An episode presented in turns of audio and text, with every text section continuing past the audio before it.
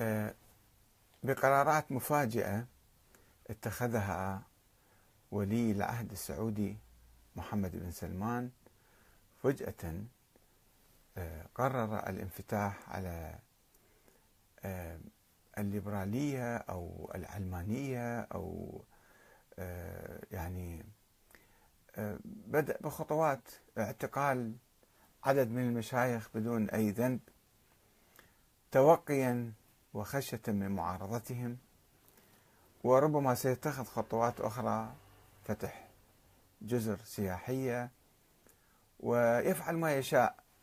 ينقلب على كل شيء ينقلب على الشريعة ينقلب على الإسلام ينقلب على آه، الوهابية. ويفاجئ الوهابيون بكل ذلك ويسكتون. يدخلون السجون ويصمتون. ولا يستطيعون ولا يعرفون ماذا يقولون. ولو راجعوا فكرهم السياسي الذي حاربوا فيه الديمقراطية لعقود من الزمن وأشادوا ونظروا للدكتاتورية والاستبداد لعرفوا بأن هذا الانقلاب السعودي هو من ثمرات الاستبداد. ولو كانت السعودية أو الحركة الوهابية يعني مؤمنة بالديمقراطية ومعتمدة على إرادة الشعب وكان الشعب السعودي المسلم هو الذي يتخذ القرارات. لما كان باستطاعة أي حاكم أن ينقلب على الوهابية أو على الإسلام أو على أي صيغة يختارها الشعب. أما أنه شعب يكون مهمش ويكون بعيد بعيدا عن مصدر القرار أو آه، القرار فإن الحاكم الفرد الذي يأتي بالصدفة يفعل ما يشاء وعلى الحركة الوهابية ومشايخ الحركة الوهابية وكل من يهتم بهذا الفكر أن يستسلم لما يفعل السلطان بناء على الفكر السني القديم والفكر الوهابي الذي كرس ذلك الفكر وذلك الاستبداد. الآن نحاول أن نلقي نظرة على الفكر الوهابي السياسي ودوره في تشييد آه، قواعد الاستبداد. من المعروف أن الحركة الوهابية أضفت الشرعية بصورة مطلقة على النظام السعودي سواء كان ملتزما بالدين أو لم يكن لأن كان تحالف استراتيجي تاريخي بين آل الشيخ اللي هم زعماء الحركة الوهابية أبناء الشيخ محمد بن عبد الوهاب وآل سعود يفعلون ما يشاءون وهؤلاء ينظرون لهم ويأيدوهم. وعندما كان الغشاء الديني الذي يتلفع به النظام السعودي الغشاء الرقيق يتمزق أحيانا ويقوم أبناء الحركة الوهابية أنفسهم بتكفير النظام وهذا حدث عدة مرات بسبب بعض مواقف النظام وسياساته وقوانينه التي يعتبرونها مناقضة لشروط الإيمان حسب تعريفهم يعني.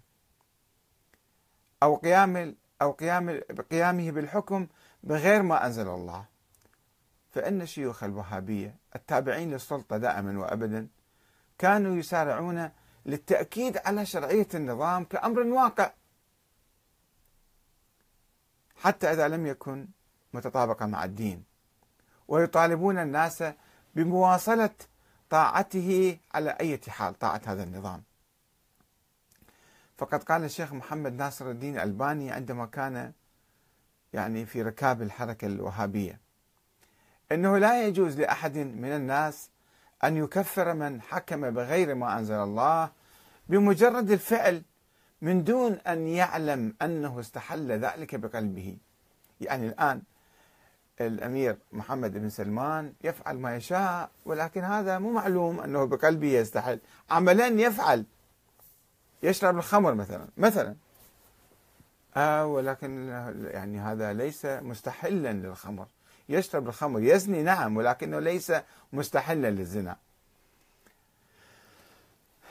آه الشيخ ابن باز يعقب على كلام محمد ناصر الدين الألباني. يؤيده ويقول لا شك أن ما ذكره في جوابه من تفسير قوله تعالى ومن لم يحكم بما أنزل الله فأولئك هم الكافرون هو الصواب. يعني حاكم يحكم بغير ما أنزل الله يبررون أنه لا هو بقلبه ما يعني هذا الشيء ما يستحل بقلبه عملا نعم. ويوضح الشيخ ابن باز يبرر الحاكم كل شيء. يقول الكفر إن الكفر كفران أكبر وأصغر. كما إن الظلم ظلمان أكبر وأصغر. وما أدري ليش ما يقول الشرك شركان أكبر وأصغر. يطلقون كلمة الشرك على عامة المسلمين. فمن استحل الحكم بغير ما أنزل الله أو الزنا أو الربا أو غيرهما من المحرمات المجمع على على تحريمهما فقد كفر كفرا أكبر. إذا استحل مو إذا ارتكب. فرق بين ارتكاب المحرم بين استحلال المحرم. يقول لا حلال مثل هذا. هل رأيتم واحد يزني يقول الزنا حلال مثلا؟ ومن فعلها بدون استحلال كان كفره كفرا أصغر وظلمه ظلما أصغر. وهكذا فسقه في فسق أصغر. يعني فعلا كلام مضحك جدا. أنه كيف يبرر الشيخ ابن باز المفتي الأكبر يبرر للحكام حكام السعودية أن يفعلوا ما يشاءون. الولاء أيضا الولاء للكفار ولاء أكبر ولاء أصغر. ما أعرف كيف يكون ولاء أكبر ولاء أصغر. هم حسب العقيدة الوهابية. موالاة الكفار هذا يعتبر شرك. يعني موالاة من كانوا يقصدون في ذيك الأيام قبل 200 سنة؟ موالاة الحكومة السعودية. عفوا موالاة الحكومة العثمانية في تلك الأيام. أو موالاة مثلا الحكومة المصرية. كانوا يعتبرون هذا كفر وشرك. إذا واحد والى الآخرين ومن لم يوالي آل سعود فهو عندهم كان كافر ومشرك ويستحلون دمه. كما يفعل أو فعل دواعش الآن. إذا واحد والى النظام العراقي أو والى النظام السوري هذا يعتبر كافر مشرك خلاص. أي واحد يوالي غير غيرهم يعتبروا هذا يعني من نواقض الدين. أما توالي أمريكا توالي إسرائيل لا هذا ولا أصغر ما يسبب الكفر ولا الكفر الأكبر. وقال الشيخ محمد بن صالح بن عثيمين هذا أيضا من كبار علمائهم عضو هيئة كبار العلماء. وليعلم أنه يجب على الإنسان أن يتقي ربه في جميع الأحكام فلا يتسرع في البت خصوصا في التكفير. هم يكفرون ما شاء الله عامة الناس عامة المسلمين ببلاش. وبسرعة أما إذا أجى التكفير لهم إلى آل سعود لا اتق الله أستغفر الله ربي وأتوب إليك لا تكون تكفر الحاكم. اتقوا الله. يجب على الإنسان أن يتقي ربه في جميع الأحكام فلا يتسرع في البت بها خصوصا في التكفير الذي صار بعض أهل الغيرة والعاطفة يطلقونه بدون تفكير ولا روية. هذا عندما وصل إليهم طبعا. مع أن الإنسان إذا كفر شخصا ولم يكن الشخص أهلا لذلك عاد ذلك إلى قائله هو يصير كافر يعني.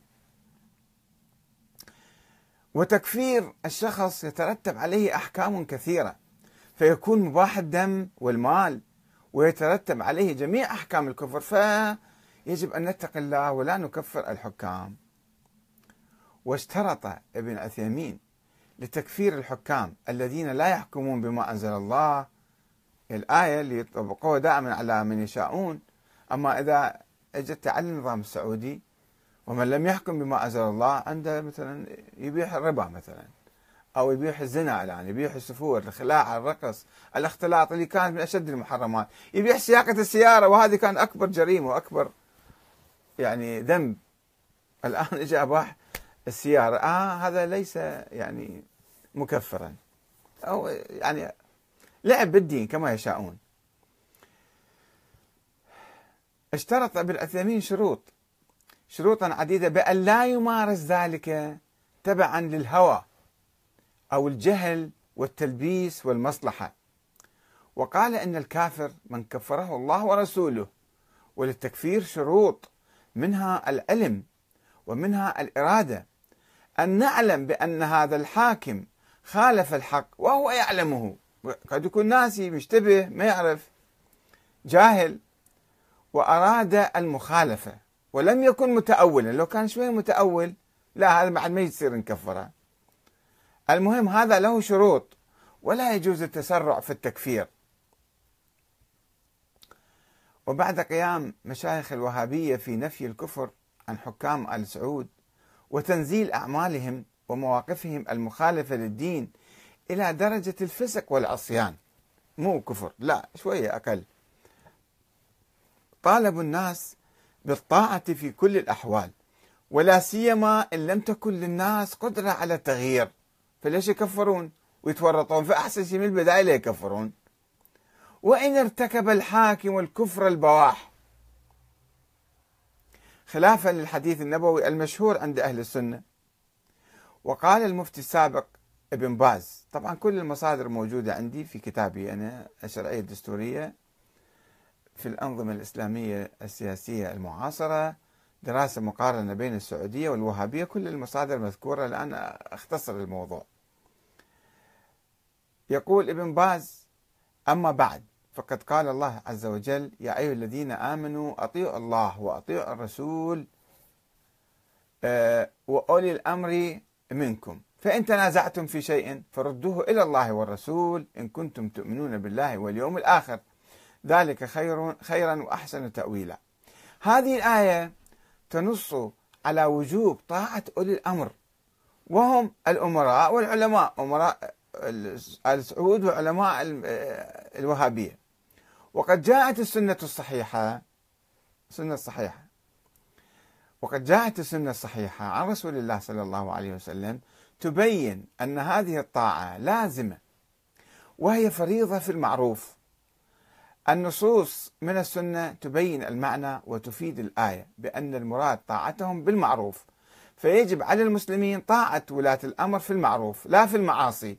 فإذا أمروا بالمعصية فلا يطاعون في المعصية. إذا قال لك تعال إذني لا تزني. إذا قال لك تعال مثلا اشرب خمر لا تشرب خمر.